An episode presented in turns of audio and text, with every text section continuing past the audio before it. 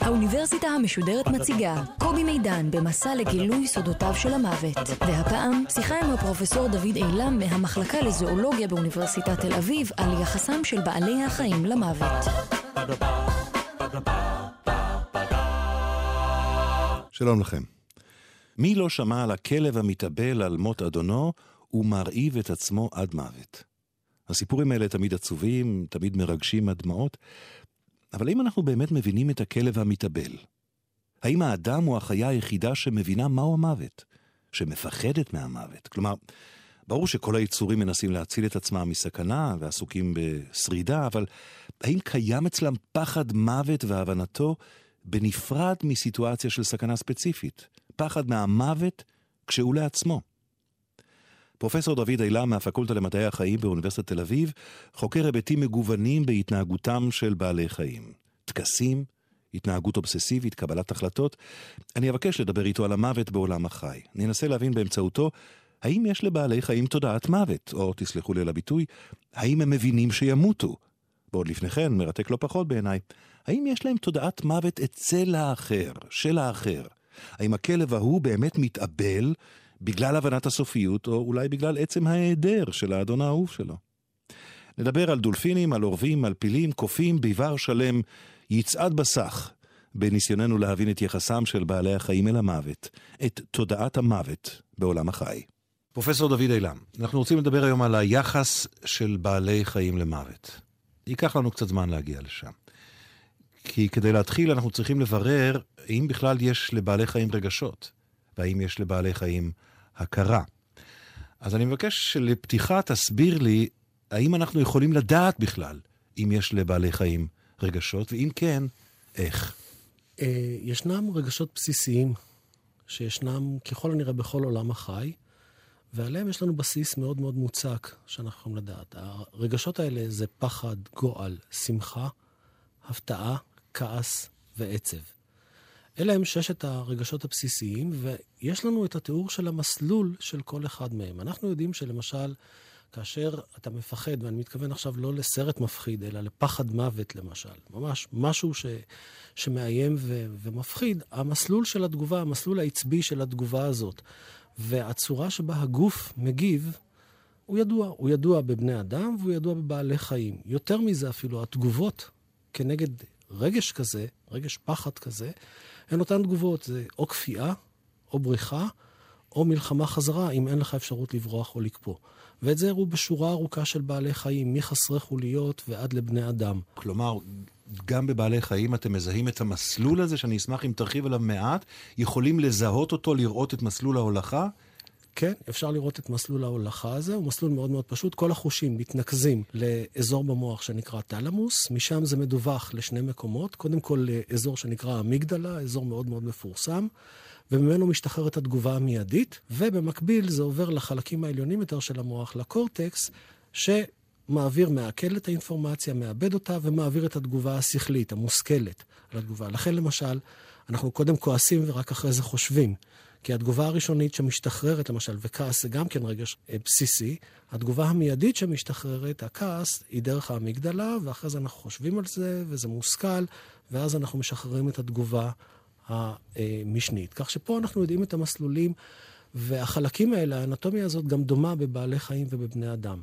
כך שאנחנו מדברים פה על מסלול מאוד מאוד ברור, כשמדברים על רגש פשוט, על רגש בסיסי מתוך ששת הרגשות שמניתי קודם. אז נשאר עדיין רגע ברגש הבסיסי, ואחר כך ננסה להתקדם לרגשות יותר מורכבים, כי בעצם הכרה במוות היא עניין הרבה יותר מורכב, נדמה לי. כן, אבל נכון. לגבי הרגשות הבסיסיים, אז אתה אומר, המסלול ידוע לנו בבני אדם, והמסלול, אותו מסלול אצל חיות. אבל... האם אתה יכול, על ידי ראיית הפעילות במסלול, לדעת באיזה רגש, ואפילו אם זה אחד מששת הרגשות הפשוטים, האם אתה יכול לדעת איזה רגש מדובר? במידה מסוימת, כן. אתה יכול אה, להפחיד בעל חיים ולראות, לרשום פעילות באזורים האלה ולראות שהתגובה נמצאת. צריך לזכור שהמוח אמנם הוא אותו מוח והחלקים אותם חלקים, אבל החלק המושכל, המחשבתי, הקורטקס, קליפת המוח, אצלנו הרבה יותר מפותח מאשר למשל בחולדה. שמשמשת בהרבה מהניסויים האלה. ולכן התגובה שלה תהיה בדרך כלל התגובה, אחת משלוש התגובות שתיארתי קודם לכן, ולא כל כך תהיה תגובה מושכלת. אז uh, אני מציע שננסה להתקדם באמת לרגשות יותר מורכבים, שאולי יותר קשה לאתר גם את המסלול שלהם. כן, אז כשאנחנו מדברים על דיכאון, למשל, ועל הנושא שעליו אנחנו אה, מדברים הפעם, על, אה, איך נקרא לזה, התאבלות לאחר מוות, אלה הם רגשות מורכבים שמתווספים עליהם כל מיני מרכיבים, מרביתם מרכיבים שכליים, מעל המרכיבים האוטומטיים שדיברנו כאן, ואז המסלול שלהם בעצם לא ידוע. אנחנו לא יודעים מה בדיוק המסלול במוח שעוברת תגובה כזאת ויוצרת דבר כמו דיכאון, או כמו אה, תחושת אבל שישנה. ואז אנחנו לא יודעים את זה לא בבני אדם ולא בבעלי חיים, ואנחנו נשארים עם השאלה מתי יש לנו את ההתנהגות הזאת. מה שאנחנו עושים, אנחנו עושים דבר שיש עליו ביקורת רבה, אבל ככל הנראה שלפחות במקרה הזה יש לו לגיטימציה לא מעטה. אנחנו משליכים מבני האדם על בעלי החיים. אנחנו מנסים לראות האם בעלי חיים בסיטואציה מסוימת מגיבים באותה צורה שבני אדם מגיבים בסיטואציה דומה. Mm-hmm. זה דבר שמשחר אה, המחקר של התנהגות בעלי חיים הייתה ביקורת עזה על זה. אה, קונרד לורנס, שהוא מאבות חקר התנהגות בעלי חיים וזוכה פרס נובל, ההאשמה העיקרית נגדו הייתה שהוא עסק באנתרופומורפיזם, שהוא חשב שבעלי חיים זה בני אדם קטנים ובני אדם הם בעלי חיים גדולים. זה דבר שמעורר אי נוחות אצל מדענים בדרך כלל. ואגב, ההפרדה הזאת היא הפרדה שהייתה קיימת הרבה שנים ונשלטה הרבה שנים. אתה מוצא אותה גם בכתבי אריסטו, בכל הדתות, ההפרדה בין בעלי חיים לבין בני אדם. זאת אומרת, מותר האדם מבעלי החיים, האדם שנברא בצלמו של האל, או אם ניקח את הדת הנוצרית, אז ישו הוא בנו של האל וכולי. זאת אומרת שההבדל, בהקשר שלנו כרגע, ההבדל של העולם הרגשי, בין האדם לבעלי החיים איננו הבדל של כמות או של רצף, אלא הבדל של איכות. נכון. זו הייתה טענה שהייתה מקובלת עד לדרווין. ודרווין טבע בדיוק את המשפט שאותו אתה אומר. הוא אמר, לא, ישנו רצף בין בעלי החיים לבני האדם, וההבדל הוא הבדל בכמות ולא בתוכן או באופי. כלומר, it's one of a degree, not of a kind.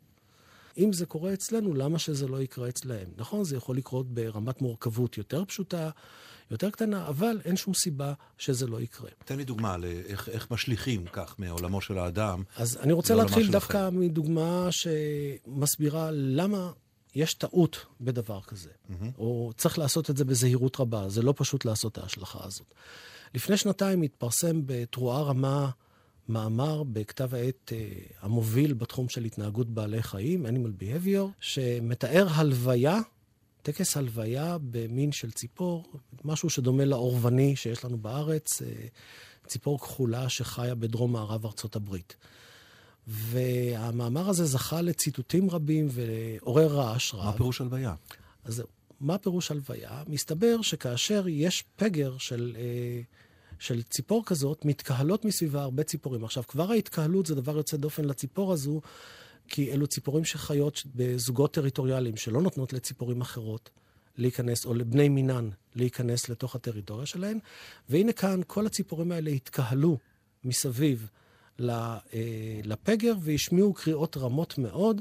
אה, במאמר הם קראו לזה קקופוניה של קולות, ואמרו, הנושא שם היה הלוויה במין האורבני הזה, קקופוניה של קולות כאשר יש פגר של בעל חיים.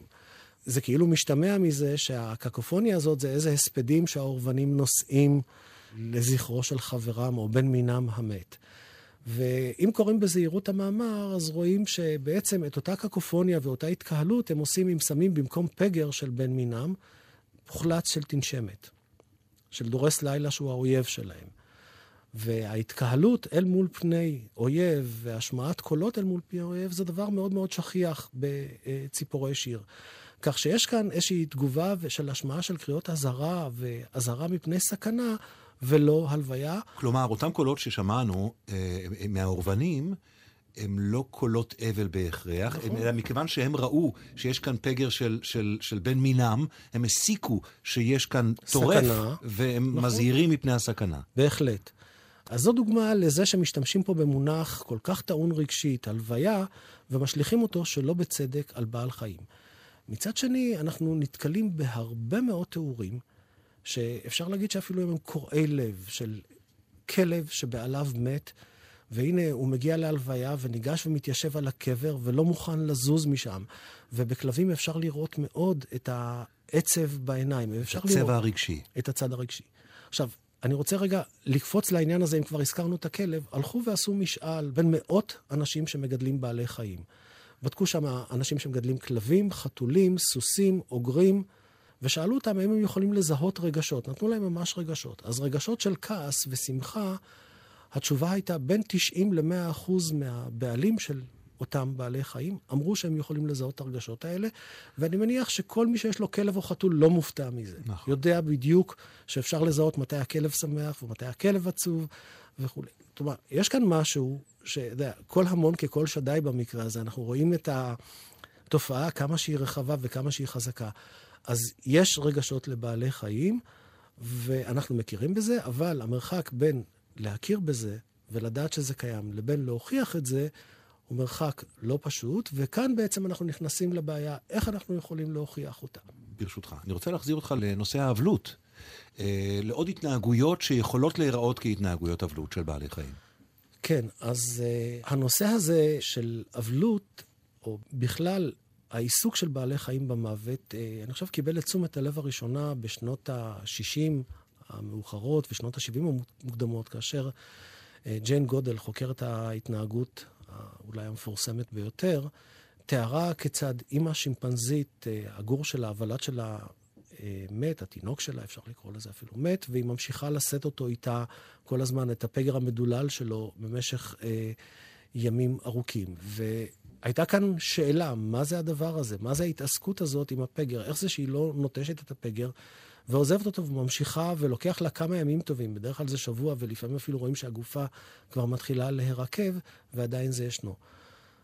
את התופעה הזאת תיארו בשורה ארוכה של בעלי חיים, שברגע שהם רואים פגר של בן מינם, בעיקר של בן מינם, הם ניגשים ומתעסקים איתו. תיארו את זה בפילים, התיאורים הרבים ביותר ישנם בפילים, תיארו את זה באיילים, אה, תיארו את זה בזאבים, תיארו את זה בדולפינים. אנחנו רואים את אותה התנהגות בשורה ארוכה של בעלי חיים. של שהיא... כאשר נתקלים בפגר מבני מינם, ההתנהגות משתנה באופן מובהק. אפילו באופן דרמטי. עכשיו, בפילים התיאורים הם תיאורים מדהימים. הם, זה, זה בעצם, התיאורים הרבים ביותר ישנם בפילים. זה החל בשנות ה-70 בתיאור של אה, איך כשנקבה מנהיגה של עדר, בעדרי הפילים, הפילה הבכירה היא המנהיגה. קורסת ולא מצליחה לקום, ומיד ניגשות הנקבות האחרות ומנסות לתמוך בה, ואז היא לא מצליחה להתרומם והיא נשארת במקום, ובסופו של דבר היא מתה, ובמשך ימים עומדים הפילים לידה, הפילות האחרות לידה, ושומרות עליה, וכל הזמן נוגעות בה בחדק, ומניחות בעדינות אה, רגל עליה, וכל פיל אחר שעובר בסביבה ניגש גם כן ומבצע את אותה תנועה. לאחר מכן התווספו הרבה עדויות שכאשר פילים מגיעים לפגר של אה, פיל, או אפילו לשרידים, לשלד, שכבר לא נשאר שום דבר מהפגר, וכשפיל מת תוך יום-יומיים, נשארות רק עצמות. כל פעם שפילים עוברים ליד מקום כזה, הם מיד מסתדרים במין חצי גורן מסביב לזה, ומתחילים להרים עצמות ולטלטל אותם, והסרטים שיש על זה הם דברים מדהימים, כי אתה רואה אפילו פילונים קטנים, שקרוב לוודאי זה המפגש הראשון שלהם עם מוות של בן מינם, ניגשים ומרימים עצמות קטנות יחסית ומטלטלים אותן. טקס של כבוד כזה? בדיוק, וזה כאילו הבעת כבוד אה, אה, אל המת שישנו. וזה דבר מאוד מאוד מיוחד, זה, אפשר להגיד שזה נראה ממש כמו טקס אה, דתי, מין טקס אה, והבעת כבוד אה, לבן ה... שמת, ואת הדבר הזה רואים בשורה ארוכה של בעלי חיים. הזכרת. דולפינים. בדולפינים, מה שרואים זה לא את זה, כי פגר בדולפין נצנח uh-huh. אל הקרקעית, אבל אימהות של דולפינים שממליטות ולדות מתים, הרבה פעמים ממשיכות לשאת אותם, או לדחוף אותם במחרותם, או לשים אותם על סנפיר הגב ולשחות. עכשיו, זה מחייב את הנקבה לשנות לחלוטין את הצורה שהיא שוחה. אם דולפינים מזנקים מהמים ונכנסים לתוך המים ויוצאים במין מסלול בצורת גל אה, מאוד מאוד תלול, היא לא תוכל לעשות את זה כשהיא נושאת את הפגר, ואז היא שוחה בצורה מתונה מאוד ואיטית על פני המים, כאשר היא לא יכולה לעלות ולרדת. ובדרך כלל היא מלווה גם, דולפינים הם להקתיים, הם בעלי חיים חברתיים, אז הם שוחים בלהקה שלמה, והדולפינים האחרים בלהקה עוזרים לה כאשר היא צריכה להפסיק ולעשות הפסקות ולאכול. עוזרים לה ונושאים את הפגר יחד איתה. זה כבר יותר דומה להלוויה, שהם נושאים, למרות שיש כאן איזושהי הכחשה והתכחשות ל... זאת בדיוק השאלה. זאת אומרת, אני מנסה להבין האם זה יישמע מצחיק, אבל זה הנושא שלנו היום. האם היא מבינה, אותה דולפינה, שמסתובבת שלושה או ארבעה ימים או יותר בים, מגבילה את עצמה, משנה את צורת השחייה שלה, מאלצת את החבורה שסביבה לעזור לה, כלומר גם חושפת את הלהקה ליותר פגעים וליותר סכנות. האם היא עושה את זה מכיוון שהיא מבינה שיש כאן מוות, או שהיא לא מבינה שיש כאן מוות, היא רוצה לנסות לעורר את הילד? מה שעובר על האימא זה שני שלבים שמופיעים גם בבני אדם. זה השלב הראשון של ההכחשה, או אי הקבלה אפילו, בואו לא נקרא לזה הכחשה, ורק בשלב הבא, הקבלה. השלב של ההכחשה מופיע גם בבני אדם. העניין הוא שהאימא מגיעה לשלב ההכרה בכך שזה מוות ונוטשת את הגופה, והיא עוברת את השלב הזה. הלהקה בעצם היא מין אה, משהו שמלווה את האימא. כשהיא נושאת את הפגר, אז הם עדיין הייתה בשלב ההכחשה, וכשהיא עוזבת את הפגר, אף אחד לא מסתכל על מה שקורה בלהקה. יש, העדות היחידה שמצאתי זה עדות עם קופים, מין של קופים שמאוד מאוד נפוצים באפריקה, ומשם התפשטו לכל העולם, קוראים להם גונון ירוק.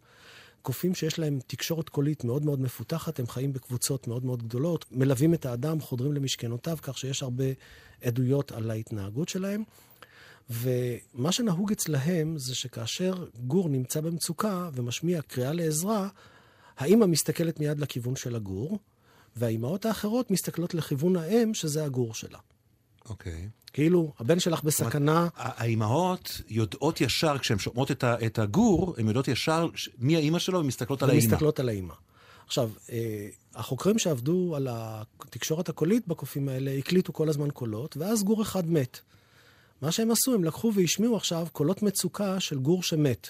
אוקיי. Okay. ומה שהם ראו זה שהאם מתעלמת לחלוטין מקריאות המצוקה. כאילו היא כבר יודעת והבינה... השלימה, היא הבינה. היא השלימה והבינה שהגור שלה מת, אבל כל האימהות האחרות מיד מסתובבות ומסתכלות עליה. זאת אומרת, היא הבינה משהו שהם עדיין לא הבינו. היא הבינה והם לא הבינו את זה, ויכול להיות שכאן העניין של זה שזה אה, הקרבה שלה אל הפרט, וזה מעביר לנקודה מאוד מאוד חשובה לכל העניין של, של התאבלות, הקרבה שלה, שזה הגור שלה, הוולד שלה שמת, מביאה לכך שהיא עוברת את התהליך, בעוד שחברי הלהקה לא עוברים את התהליך. אז יש לנו תנאי אחד לאבלות, להגדרת אבלות מבחוץ, אה, שהפרט שאנחנו רואים אותו, שההתנהגות שלו שונה, אה, היה קרוב מאוד לפרט בדיוק. שמת. בדיוק. וזה מוסכם על כל חוקרי בעלי החיים שמדברים על התאבלות בבעלי חיים, שההתאבלות מותנית באהבה. כלומר... בקרבה. לא, הם מדברים דווקא, הם ממש משתמשים באהבה, הם okay. אוקיי. משתמשים ממש במונח, במונח לוב, שהאהבה שהייתה לפני מחייבת, או מתחייבת בכדי שהיא תופיע לאחריה התאבלות. לכן למשל, כל המונח של התאבלות קודם כל קיים רק בבעלי חיים חברתיים. לא, אף אחד לא מדבר על התאבלות ואין שום דוגמה לזה בבעלי חיים שהם יחידאים, שהם חיים לבדם בטבע, כמו למשל נמרים. פרופסור אילם, מהם בעצם התנאים שבעזרתם נוכל לפרש התנהגות מסוימת של בעלי חיים כהתאבלות. הספר החשוב שיצא של ברברה קינג, שעוסק בהתאבלות בבעלי חיים, הגדיר שני תנאים מאוד מאוד חשובים להגדרה של התאבלות, למקרה של התאבלות בבעלי חיים. התנאי הראשון הוא שלבעלי החיים האלה, אנחנו לא נשתמש במונח אהבה, ועכשיו יהיה לך יותר קל עם זה, היו חיים משותפים לפני כן, וחיים יומיומיים מלאים, לא רק זה שהם יצאו לצוד ביחד או גרו ביחד באותו חור, אלא הם ישנו ביחד ורבצו בשמש ביחד וניהלו משק בית משותף. אוקיי. Okay. בוא נאמר את זה כך, כי כמו שמגדירים את זה ברבנות, נדמה לי, או משהו. אז זה התנאי אחד. זאת אומרת, לא, תופ... לא נדבר על אבל לפני שהיו חיים משותפים וניהול משק משותף לפני כן, ושלאחר מכן חל שינוי בהתנהגות, שינוי דרמטי בהתנהגות, שהוא יותר מאשר סתם אה, לראות עצב בעיניים. כמו למשל, שהם לא ישנים, או הם ישנים פחות, כמו למשל שהם לא ניגשים ואוכלים, כמו למשל שבאווזים תיארו את זה הרבה מאוד, שהאווז שמאבד את בן זוגו מתרחק מהקבוצה, מהלהקה של האווזים, ומתחיל לאכול לבדו, ומתחיל להיות מתבודד מתוך החברה. אז פה אנחנו רואים שינוי בהתנהגות, שינוי קיצוני בהתנהגות שמאוד מאוד לא אופייני, שינוי דרמטי שחל לאחר האובדן. ובסך הכל זה מאוד מאוד הגיוני שזה יקרה אצל בעלי חיים שהם חברתיים, שחיים ביחד, שמסתובבים כל הזמן ביחד, ופתאום פרטנר שלהם נעלם, החיים שלהם לא יכולים להיות כתמול שלשום. אתה מדבר על, על דרווין ואתה מדבר על, על התפקיד האבולוציוני או על התפקיד ההישרדותי של התנהגויות מהסוג הזה. אז אני רוצה לשאול אותך מה התפקיד או מה היתרון בהתנהגות אבל. הרי, כמו שאמרנו קודם, היא התנהגות שבטבע אה, מעיקה על, על הפרט, על, העלות על, שלה על גבוהה מאוד, כן. אוקיי. קודם כל, רגשות זה לא דבר שאנחנו יכולים למדוד אותו רק במונחים של תועלת והפסד. רגשות זה הבסיס לחברתיות בעצם בבעלי חיים. לא יכולה להתקיים חברה אם לא יהיו בתוכה רגשות, ורגשות הם לאו דווקא חיוביים. אהבה, שנאה, קנאה, ידידות וכל הדברים האלה, זה הדבק של החברה, זה הדבר שבעצם קובע איך בעל חיים מתנהג כאשר הוא נתקל בפרט אחר, אויב או ידיד. זה הבסיס, ואנחנו יודעים גם כן שבבעלי חיים חברתיים אם אנחנו מונעים מהם את הצד הרגשי ואת ההתפתחות הרגשית, ההתפתחות שלהם נפגעת בצורה נוראית. אה, היו על זה המון טעויות שנעשו בעבר כשניסו לגדל בעלי חיים חברתיים בניתוק. ו- ואנחנו רואים מצד שני את הכלבים שאנחנו מגדלים אותם אצלנו בבית, את הקשר הרגשי העמוק שהם יוצרים איתנו בזכות האהבה כלומר, אם נסכם את, את ראש הפרק הזה, ההתנהגות האבלית היא חלק מהתנהגות רגשית, וההתנהגות הרגשית היא חלק מהתנהגות חברתית, וההתנהגות החברתית היא בהחלט אדפטיבית, היא בהחלט יוצרת יתרון הישרדותי. נכון, להיות בחברה זה יתרון גדול לבעלי חיים, הם יכולים למצוא מזון הרבה יותר בקלות, הם יכולים להתגונן ברור. יותר בקלות, יש לכך הרבה יתרונות. והבסיס בחברה הוא רגש. וברגע שהרגש שמחזיק את החברה, או פן מסוים של הרגש שמחזיק את החברה, נפגע, חל שינוי בהתנהגות בעקבות. אבל, לשאלה הכי דרמטית, נשאר לנו הכי פחות זמן. עד עכשיו עסקנו באבלות, כלומר, בתפיסת המוות לגבי הזולת. אני רוצה לשאול אותך, תפיסת המוות של האינדיבידואל, את עצמו, של הפרט, את עצמו. אנחנו מכירים סיפורים על חתולים שהולכים למותם. אני, היה לי חתול כזה, שממש הוא הלך למות במקום אחר. אה, ואני רוצה לשאול אותך, האם אנחנו יודעים שלבעלי חיים יש מודעות למותם שלהם, או לקיום המוות באופן עקרוני? זה ויכוח עז שניטש, האם לבעלי חיים יש מודעות והכרה. ועוד יותר מזה, בהקשר של התיאור שלך את החתול, האם לבעלי חיים יש פרספקטיבה של זמן, אחורה וקדימה? Uh, בשנות ה-70 עלה, עלה טיעון שבעלי חיים, להבדיל מבני אדם, אנחנו 70%-80% מהזמן מתעסקים במה שהיה ובמה שיהיה. עלתה הטענה שבעלי חיים, להבדיל, תקועים בהווה. אין להם תכנון עתידי, אין להם הקרבה של ההווה לטובת העתיד. כלומר, בעל חיים לא יעשה היום דיאטה בשביל להיראות יפה מחר. אתה לא יכול ללמד בעלי חיים לוותר על דברים. עושים את זה, מצליחים בבעלי חיים נבונים, בקופים, בחולדות, לוותר על דברים לזמן קצר בשביל העתיד. וכל מה שמצליחים להראות זה לדקות בודדות. היום יש כבר עדויות שיש איזושהי פרספקטיבה של זמן. אה, יכול להיות שהדברים האלה קיימים, ואנחנו פשוט, עם הכלים הדלים שיש לנו בניסיון להבין את אה, בעלי החיים, עדיין לא מבינים אותם, ושיש להם תכנון מסוים והכרה מסוימת, ואני בהחלט לא הייתי שולל את התיאור שלך לגבי החתול שלך, אבל לקחת ולהפוך אותו לאמת מדעית שאין חולקים עליה, אנחנו עדיין רחוקים. אז אני אנסה לסכם את השיחה הקצרה מאוד הזאת אה, בשלוש נקודות שנשארות אצלי, ואתה מוזמן אה, להנהן בהסכמה או לחלוק בעוז. ראשית, לגבי אבלות מול פרט אחר, יש התנהגויות שנראות כהתנהגויות אבלות, כמובן ככל שמדובר בבעל חיים שהוא יותר חברתי ויותר גבוה בסולם, יותר מפותח, אז ההתנהגויות האלה יהיו יותר מעניינות ויותר נראות. נקודה שנייה שאני לוקח איתי היא שלגבי תפיסת המוות זה תלוי אה, בתפיסה שלנו לגבי בכלל תודעת זמן אה, והכרה אצל בעלי חיים. כרגע אנחנו נוטים מכל מיני סיבות להניח שלא, אבל העתיד אה, צופן, אה, צופן בחובו. בעצם אלה שתי הנקודות שאני אה, לוקח איתי מהשיחה הזאת. והייתי לוקח, מוסיף נקודה נוספת, שבסופו של דבר ההתאבלות כאשר ישנה מותנית בקשר העז שהיה קודם לכן.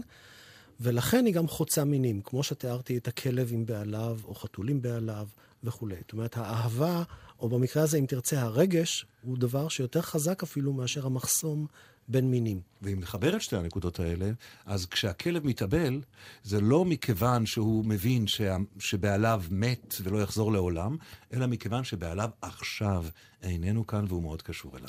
והרגש שבעליו העניק לו, חסר לו. פרופסור דוד אילם, אני מאוד מודה לך. תודה רבה על האירוח. בפעם הבאה נפגוש את הפרופסור אבינועם רכס. נדבר איתו על סוגי מוות שונים אצל בני האדם. חוזרים לבני האדם. נשמע כיצד הטכנולוגיה ממציאה בעצם סוגי מוות חדשים, ועל הבעיות האתיות הכרוכות בכך. נודה לניב רובל על העריכה, לגיא פלוויאן על הביצוע הטכני. תודה רבה לכם על ההאזנה. להתראות.